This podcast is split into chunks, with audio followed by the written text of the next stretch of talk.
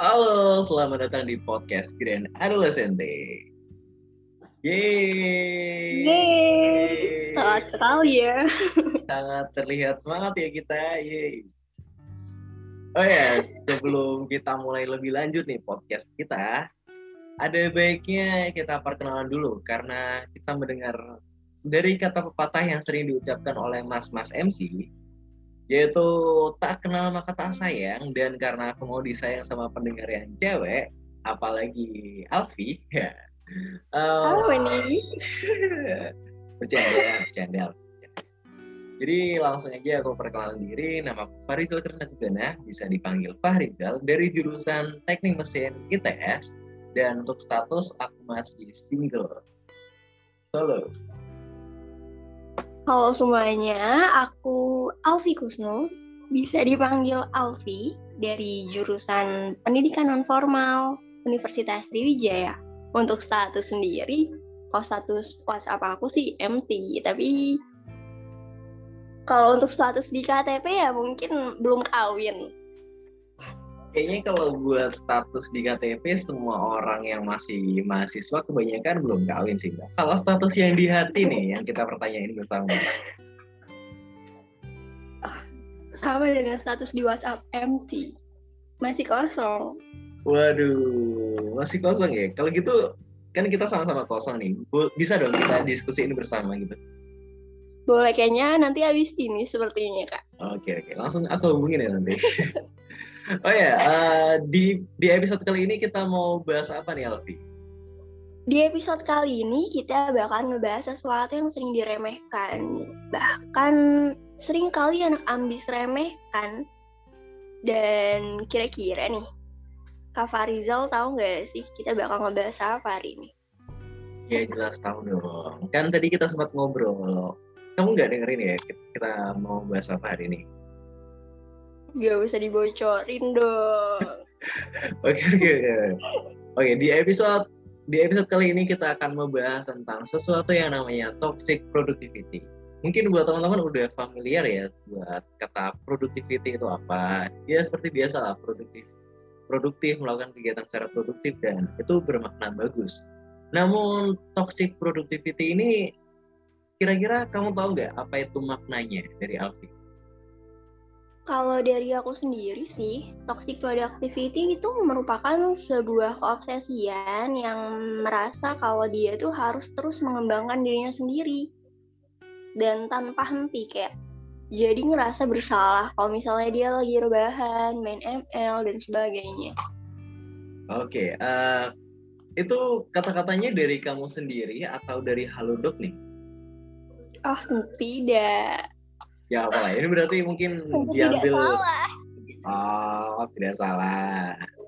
Oke okay, oke. Okay. iya. Dan buat toxic productive ini buat toxic productivity ini nggak beda jauh teman-teman sama workaholic dan hustle culture.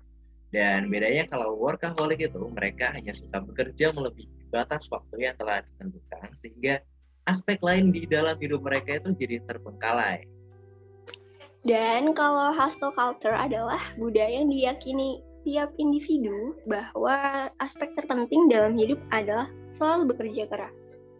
Bener banget nih. Kalau di teman-teman yang suka basket namanya mamba mentality lah ya. Oh ya, tapi kalau kita obsesi dengan hal-hal baik itu bukannya malah bagus gak sih? Tapi kalau obsesi dirinya dengan ambisi yang berlebihan, itu malah jadi nggak baik loh. Semisal nih, kamu obsesi berlebihan dengan pekerjaan kamu sampai-sampai nggak istirahat dan malah berakibat buruk untuk kesehatan diri kamu sendiri. Wow, wow, wow. Seram sekali. Tunggu. Serem, serem banget ya. Bukannya malah produktif si orangnya, tapi malah berakibat ke detail-detail kecil si orangnya ya? Bener banget. Dan jadinya kamu nggak bisa ngerasain kenikmatan-kenikmatan kecil yang hakiki. Boleh sih kerja keras atau ngembangin diri, tapi jangan lupa untuk refreshing. Benar banget. Komputer di warnet aja biasanya sering di refresh kok waktu lagi main point blank. Apalagi kehidupan asli ya. Masa nggak di refresh apa-apa? kayaknya emang tombol F5 di dunia asli bakalan kerasa enak banget buat orang-orang yang toxic productivity ini. Oh ya, uh, sebelumnya oke okay, aku tuh pernah ngerasain kayak waktu aku lagi have fun, waktu aku lagi jalan-jalan nih sama teman-teman, lagi hmm? keluar outdoor gitu, aku sering tiba-tiba langsung kepikiran tugasku, wah ini tugasku kayaknya belum dikerjain deh. Terus aku kayak ngerasa bersalah gitu, kayaknya harusnya aku pulang aja deh daripada mainan sama mereka mainan pasir-pasiran. Waktu itu emang aku lagi di NTT sih, makanya aku main pasir. Wow. Nah, dan itu termasuk toxic productivity nggak sih? Bener banget. Itu juga nunjukin kalau kamu termasuk produktif, tapi terlalu over gitu. Jadinya masuk ke kategori toxic productivity. Wow, serem banget ya. Oke, okay, uh, uh, eh, untuk mengatasi toxic productivity ini ada banyak ya sebenarnya solusinya buat teman-teman yang sedang mengalami toxic productivity. Nah, monggo. Loh, bentar. Ini bukannya bagian W ya?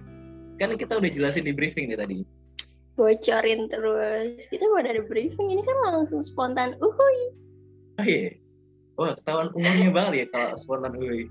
Tapi ngomong-ngomong soal umur, cara ngatasi toxic productivity ini salah satunya adalah tahan rasa produktif kalian dan nikmati hal-hal kecil dan bukan berarti terlalu menikmati ya jadi sampai males nikmati hal-hal kecil itu dengan batas wajar saja itu udah lebih dari cukup sih. Wah, banget sih Alfi. Tapi apa hubungannya ya sama umur yang kamu bilang tadi?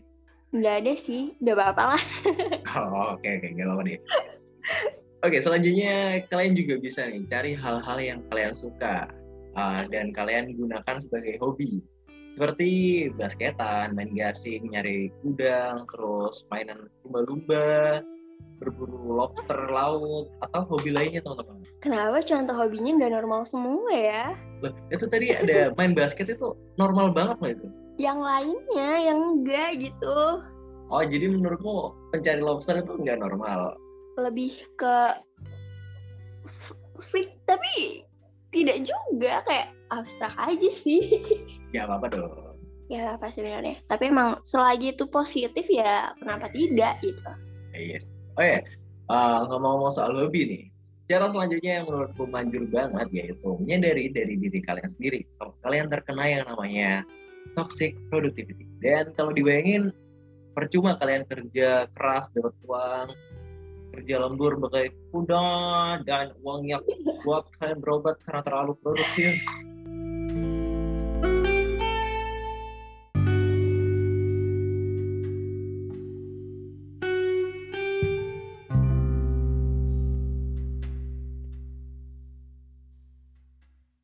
Oke, sekian mungkin informasi yang bisa kita kasih buat teman-teman.